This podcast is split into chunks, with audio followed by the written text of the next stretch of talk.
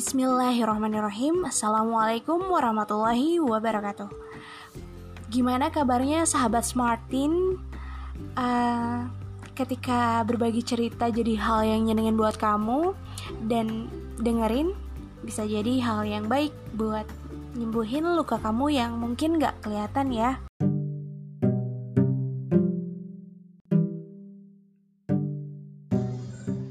Jadi teman-teman semuanya di podcast Martin kali ini kita bakalan ngobrolin soal hal-hal yang bikin kamu cemas dan ngerasa khawatir. Dan kali ini aku bakalan ditemenin sama Mbak Ina.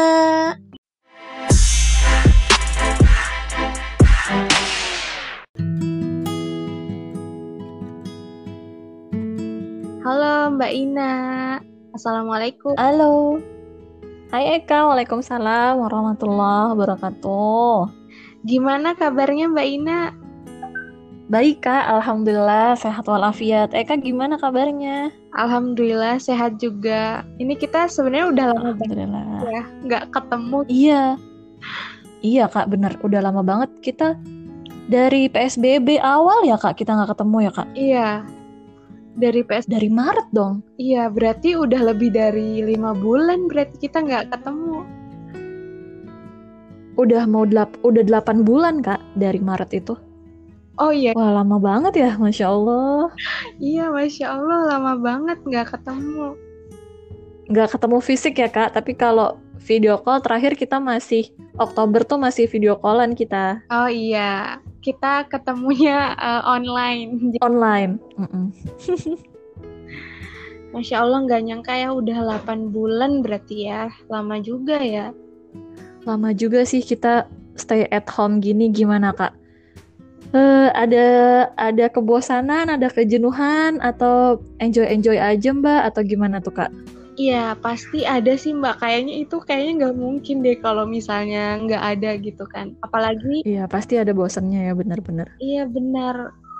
Aku aja yang ibaratnya ya untuk tetap di rumah berusaha untuk tetap di rumah gitu kan ya.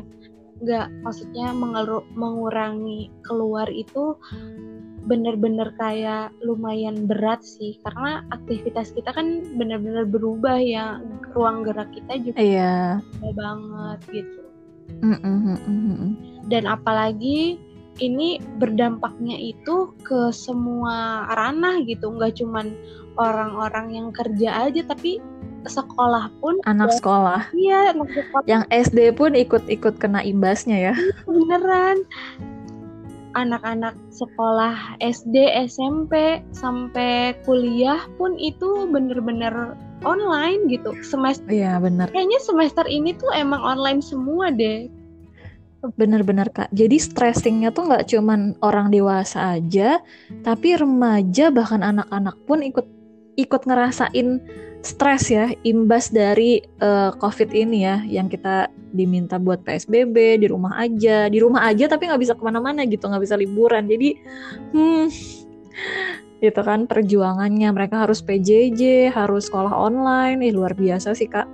Iya bener banget mbak. Itu sebenarnya rada kasihan juga sih. Maksudnya kayak teman-teman yang belajar belajarnya di rumah gitu. Ya walaupun itu juga kadang jadi salah satu keuntungan juga sih karena yang tadinya kayak belajarnya tuh bener-bener harus rapi sekarang lebih santai gitu kan. Mm, iya, iya, iya. Cuman siap-siap uh, apa karena yang ngajar biasanya kan guru ini karena yang ngajar orang tua mungkin treatmentnya beda ya. Iya. Dengan guru gitu kan. Uh, ya gitulah kak dinamikanya, masya Allah. Jadi malam ini kita mau bahas apa nih kak? Ini mau bahas soal sebenarnya pengen bahas soal ini juga sih apa kayak keresahan-keresahan yang terjadi di kalangan remaja juga kan kan mm, -hmm. ada PSBB juga ya otomatis kayak berpengaruh banget gitu kan dan memang uh, eh, PSBB ini meskipun kayak kita kelihatannya santai di rumah tapi ternyata pas ditanya sama teman-teman yang sekolah misalnya SMA sama kuliah itu malah justru tugasnya tuh makin banyak gitu loh. Karena iya benar benar benar. Gitu karena kan guru-guru tuh nggak bisa ben bener-bener apa ya namanya kayak maintenance anak-anak muridnya gitu. Jadi ya mau nggak mau dengan cara tugas gitu. Jadi malah kayak tugas itu semakin banyak jadi kayak subtitut ya, subtitut yang harusnya penjelasan tapi karena keterbatasan ruang dan waktu jadinya diganti dengan tugas gitu kan. Itu yang hasilnya malah jadi bikin tambah stres iya. siswa-siswa. Mana enggak ya guru juga stres sih pasti ya. Apalagi ini hari guru ya kita ya kak? Iya oh iya masya allah. Sekarang hari guru juga ya masya allah semua semua stres lah. Iya. Pengusaha, guru, pekerja semuanya merasakan uh, kejenuhan dan stres. Iya. Ya. Tapi harus happy ya kak ya. Mm -mm. Iya sih.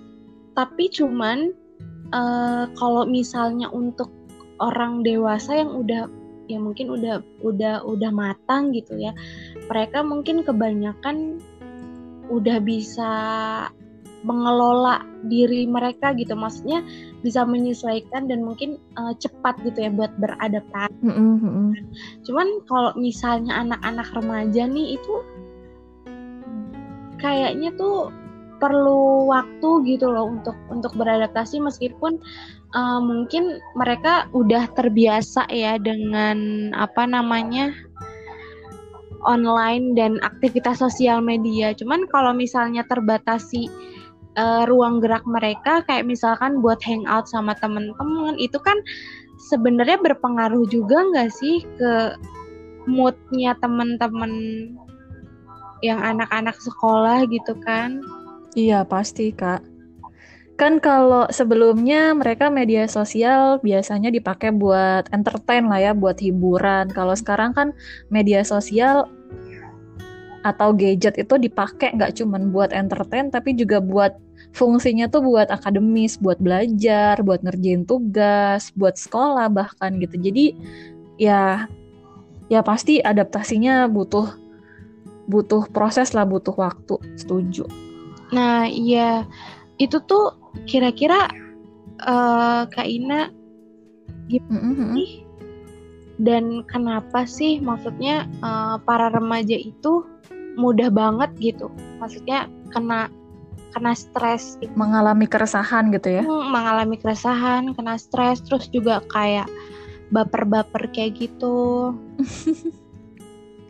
Iya jadi uh, pertama nih sebelum kita ngomongin apa sih sebenarnya uh, keresahan-keresahan yang dialami remaja gitu kan kita mau samain persepsi dulu nih kak. Jadi kalau dari beberapa preferensi yang Mbak Ina baca kak ini dari WHO, ada dari Kementerian Kesehatan juga. Mm-hmm.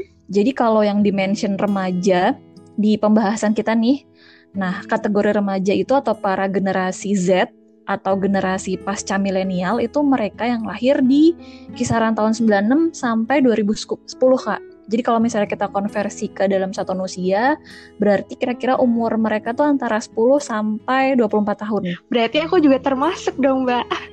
Hmm, kalau menurut WHO berarti kamu masih remaja. Yeah. Nah, kenapa pertanyaannya kenapa nih starting from 10 tahun sampai 24 tahun. Jadi uh, karena pada usia 10 tahun itu biasanya remaja saat ini tuh mulai menginjak fase pubertas. Jadi secara fisik mereka ada perubahan-perubahan secara biologis gitu kan yang yang tampak di diri mereka gitu ya. Iya. Istilahnya tuh ada ini ada fase transisi kak dari anak-anak menuju remaja. Oh gitu. Terus kenapa sih uh, selesainya di usia 24 tahun gitu ya? Karena biasanya setelah usia tersebut mereka tuh mulai masuk ke transisi dari orang muda atau dari remaja menjadi orang dewasa. Nah, ini ditandai biasanya dengan mereka mulai punya peran dan tanggung jawab sendiri kak. Jadi kayak misalnya mereka mulai mikirin pekerjaan mereka mulai mikirin cari penghasilan sendiri mereka sudah mulai ada tuntutan buat berumah tangga ngasuh anak dan lain-lain and the bre and the bre gitu kak. Oh. dari uh, preferensi yang mbak baca. Berarti itu karena emang mungkin pengaruh hormon ya? Karena emang betul juga mm -mm. hormon maksudnya hormon pas pada saat remaja itu kan kayak mulai berkembang ya maksudnya mulai kelihatan gitu kan tanda-tanda kayak kedewasaan. Tanda-tanda physically ya, iya benar-benar. Gitu kan. Pipinya mulai cabi gitu ya. iya, apalagi masa WFH ini kayaknya makin kelihatan ini. Iya, benar-benar masa WFH tuh kalau nggak pinter-pinter jaga makan, jaga pola olahraga, jaga pola tidur, wah siap-siap aja kak. Iya. Mengembang, melebar. Iya bener banget. Aku aja udah naik, beneran naik ini. Semangat semangat kita harus kembali berolahraga, mengatur pola, uh, mengatur pola olahraga, pola makan. Iya. Nah, eh Mbak lanjutin yang tadi ya kak. Iya iya. Jadi itu kan tadi baru baru ngomongin soal usia nih, yang dimaksud dengan remaja tuh rentang usianya yang berapa sih gitu kan. Nah sekarang kalau kita masuk ke poinnya nih yang tadi ya katanyain apa sih sebenarnya keresahan remaja gitu kan. Jadi kalau uh, masih dari beberapa literatur yang Mbak baca, kalau di sini ada dari studi Pew Research Center Amerika gitu. Jadi mereka bilang kalau 70% permasalahan remaja itu Kak adalah tentang kecemasan dan depresi. Waduh, nah lo. Jadi cuman 10% kurang aja, kurang dari 10% yang permasalahannya tuh kecanduan narkoba, alkohol, itu tuh cuman 10% gak nyampe. Jadi sisanya itu kebanyakan masalah insecure, masalah kecemasan, stres gitu kan. Nah itu tuh. Nah, iya jadi uh, remaja hari ini gitu mereka tuh punya masalah yang ternyata cukup kompleks kak yang bikin mereka jadi merasa cemas, stres, depresi, bahkan yang paling serem nih kak, paling parah itu sampai bunuh diri gitu, masya Allah, subhanallah. Ya Allah. Gitu kak. Innalillah ya. Itu di Amerika ya? Iya, dan uh, Mbak juga baca beberapa preferensi dari studi-studi Indonesia. Salah satunya ini dari itu tadi dari Kemenkes juga kak. Mm. Jadi, uh, ya itu. Jadi apa ya? segitu segitu kompleksnya perasaan-perasaan yang mesti mereka tampung gitu kan hal-hal yang harus mereka pikirin gitu ya ternyata itu bisa kalau itu nggak dikelola dengan baik gitu ya dari sisi hati gitu ya hati mereka nggak dikelola dengan baik terus nggak ada tempat untuk mereka menyalurkan perasaan mereka nah itu akhirnya timbullah cemas stres depresi bisa sampai bunuh diri bahkan gitu kan ada kasus yang dulu tuh kak yang uh, saudara, saudari dua saudari di Bandung. Mereka yatim, jadi iya. hanya tinggal sama ibunya di apartemen di salah satu, salah satu apartemen di Bandung. Terus ibunya sakit meninggal, mereka kebingungan, nggak tahu harus gimana melanjutkan hidup. Akhirnya kakak beradik itu dua-duanya loncat dari apartemen mereka bunuh diri. Oh, gitu kan? It, artinya kan pada saat itu mereka tidak siap iya. gitu. Wah, kalau orang tua saya nggak ada, gimana nih saya gitu kan mm-hmm. itulah fase-fase remaja itu memang fase-fase di mana uh, mereka mulai semi ketergantungan gitu jadi mereka nggak tergantung sepenuhnya juga enggak tapi mulai menjadi mandiri juga iya gitu jadi ya Emang gitulah nah pertanyaan ya? Mm-mm, transisi bener kak transisi nah kan terus jadi pertanyaan nih kak kenapa bisa sampai kayak gitu mm-hmm. ya kan kak Jadi kalau ditanya kenapa bisa sampai kayak gitu, sebenarnya banyak faktor kak. Cukup kompleks emang kalau dari yang uh, beberapa literatur yang mbak baca. Kayak Bang Roma bilang masa muda masa yang berapi-api. gitu jadi emang masa muda tuh masa remaja usia-usianya Eka tuh emang masa yang berapi-api gitu masa yang penuh dengan hal-hal yang uh, pengen di, banyak hal yang pengen dicapai banyak hal yang pengen dikerjakan kayak gitu tapi punya keterbatasan untuk mencapai itu semua kayak gitu. Nah, yang pertama ternyata eh, kenapa hal itu bisa terjadi kak? Jadi dia tuh ngerasa punya tekanan untuk selalu pengen tampil atau pengen terlihat baik atau terlihat sempurna kak. Jadi ini soal pride. Oh, jadi entah dari sisi itu. Hmm, Hmm, itu ya jadi secara sadar nggak sadar mereka tuh ingin tampil baik lah di mata teman-temannya di mata lingkungan sekitar dia gitu ya entah dari sisi akademis atau eh dari atau dari tampilan fisiknya dia gitu kan. Jadi mereka tuh kayak ngerasa ada semacam tuntutan buat punya nilai bagus di sekolah, terus nanti mereka harus mikirin lagi gimana caranya ngadepin ujian kelulusan, sampai akhirnya bisa bersaing nih buat masuk ke PTN-PTN favorit. Nah itu ternyata itu salah satu faktor yang bikin mereka punya tingkat kecemasan, insecure kalau istilah anak-anak yeah, yeah. zaman sekarang. Terus gitu, kayak Kak. selalu Eka pernah nggak ngalamin hal-hal kayak pernah gitu? Pernah sih Mbak, jujur. Iya, Mbak juga pernah sih masa-masa itu ya. Kayak apa ya, ngerasa lebih ininya mungkin insecure ya, lebih ke insecure ngerasa kayak nggak pede sama kemampuan diri sendiri sih. Kalau kalau aku sih lebih ke itu sih Mbak, kayak misalkan sama kemampuan diri tuh, duh bisa nggak ya gitu kan. Terus kayak malu gitu, oh yang lain kok pada bisa gitu. Aku nggak yakin nih sama kemampuan mm-hmm. diri sendiri gitu kan dan itu sebenarnya kadang uh, muncul tuh karena kita tuh sering terlalu sering dan terlalu banyak ngelihat orang lain mbak kalau kalau aku ya maunya gitu nah lain apalagi betul kak betul ditambah, betul betul betul. uh, maksudnya sosial media yang itu ngebuka banyak banget lebih luas lagi lebih le lebar lagi gitu kan jangkauan kita untuk melihat sesuatu kan itu banyak banget ya. Maksudnya konten iya yang benar. benar secara nggak sadar itu mempengaruhi juga gitu loh. Mm -mm. jadi uh, benar banget setuju banget. Jadi memang salah satu munculnya perasaan tidak percaya diri itu kak yang tadi Eka bilang itu insecure itu ternyata memang akibatnya itu karena terlalu banyak melihat kesuksesan orang lain terutama di media sosial. Itu terlalu lama mengkonsumsi media sosial itu ternyata nggak baik juga gitu. Entah dari sisi uh, moodnya gitu kan uh, itu yang terlebih lagi dari sisi kita akhirnya merasa insecure gitu. Kalau kalau akhirnya kita nggak bisa ngelola hati nih kak. Kalau kita uh, kalau kita merasa iri tapi tidak tidak ditempatkan di porsinya di porsi terbaiknya. Jadi kan sebenarnya kita boleh nih iri. Rasul aja bilang tuh kak kita tuh boleh iri sama dua hal. Jadi kita uh, boleh iri tapi cuma sama dua hal. Yang pertama itu kita boleh iri kalau ngelihat orang orang lain lebih pintar dari kita dan kepintarannya itu dia pakai buat ngajarin kebaikan buat teman-temannya yang lain. Nah, itu kita boleh iri. Ih, keren ya dia udah pinter terus mau lagi ngajarin teman-temannya. Nah, itu kita boleh iri. Nah, yang kedua, kita boleh iri sama orang yang dia dikasih kelebihan hmm. harta, dia mampu secara finansial, terus kita tahu nih kemampuan dia secara finansial banyak dialokasikan buat sedekah. Nah, itu kita boleh iri. Jadi, ih, misalnya Eka melihat uh, atau Mbak ngelihat Eka nih secara finansial mampu, terus Eka tuh dermawan banget gitu. Eka banyak sedekah ke sana kemari. Nah, Mbak tuh boleh iri gitu ya, masya Allah. Keren banget ya Eka, mau deh kayak Eka gitu. Itu kita boleh iri. Tapi di luar itu, Rasulullah tuh nyaranin sebenarnya kita nggak boleh iri. Pun misalnya iri, itu porsinya harus jadi motivasi, bukan malah akhirnya jadi penyakit hati buat kita gitu. Nah, yang ada kalau kita nggak pinter ngelola hati kita nih kak, akhirnya kita jadi insecure tadi ngelihat ih kok dia mulus ya mukanya gitu. Gue jerawatan bopeng sana bopeng sini gitu kan.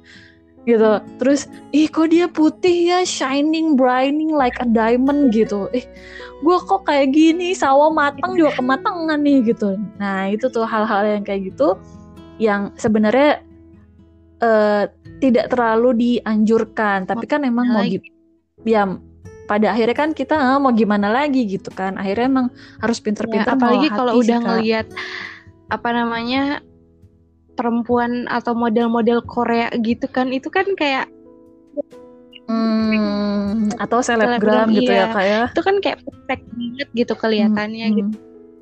Sampai eh, di bener, itu kayak nggak kelihatan pori-pori kayak gitu loh Iya benar. Bikin apa ya nggak secara nggak langsung jadi kayak matokin standar gitu nggak sih maksud?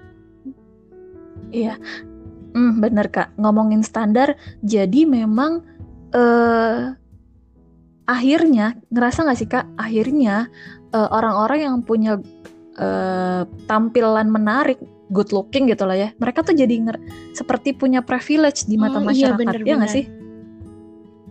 Kalau orang yang good looking, misalnya nih orang good looking melakukan kesalahan, itu pasti perlakuannya akan beda sama orang yang iya. buruk rupa gitu, si itik buruk rupa iya, yang melakukan kesalahan. Kayak ditolak gitu. Eh nggak apa-apa deh, eh nggak apa-apa lah dia cantik gitu kan nah itu mungkin akhirnya ya it, uh, karena karena society kita berperilaku seperti itu akhirnya kita merasa kalau kita nggak cukup menarik akhirnya ih gitu kalau gue nggak good looking akhirnya gue di mata masyarakat tuh nggak sebegitu penting gitu sedangkan remaja itu adalah fase di mana mereka butuh legacy mereka butuh uh, pengakuan, butuh di butuh di apa ya? butuh diakui nih keberadaannya, di, diakui karya-karyanya gitu.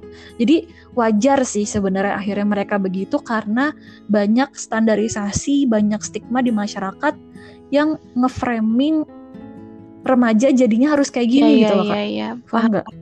Apalagi dengan sekarang hmm. yang di mana sosial media itu kayak menuntut para penggunanya itu buat jadi konten creator, iya nggak sih Mbak? Maksud semua mm. kita ya semua kita kayak mm, iya, uh, apa namanya kalau kak ibaratnya gini kalau kamu mau bagus ya kamu harus bikin konten sebaik mungkin sebagus mungkin yang yang itu bisa kayak Ih, ini loh nunjukin siapa nih diri aku gitu kan siap ini ini loh gue gitu kan mm -mm. tapi kalau itu pada akhirnya balik lagi ke niat Kak. Jadi kalau misalnya kita merasa niat kita bikin konten uh, untuk kebaikan gitu ya, ini untuk menyalurkan potensi yang kita punya, uh, kita merasa perlu menawarkan konten ini karena bagian dari dakwah itu bagus. Tapi kalau akhirnya kita niatkan bikin konten karena nih gue nih gue juga bisa nih gitu nah kalau hal-hal yang kayak gitu nah, iya, lebih baik itu. dihindari Berarti kayak ini ya apa namanya tergantung bagaimana penggunaannya gitu kan. Iya bagaimana cara dia mengaplikasikannya dan gimana niat dia nih. Niat dia dengan karya okay, dia tuh iya, gimana iya, iya. gitu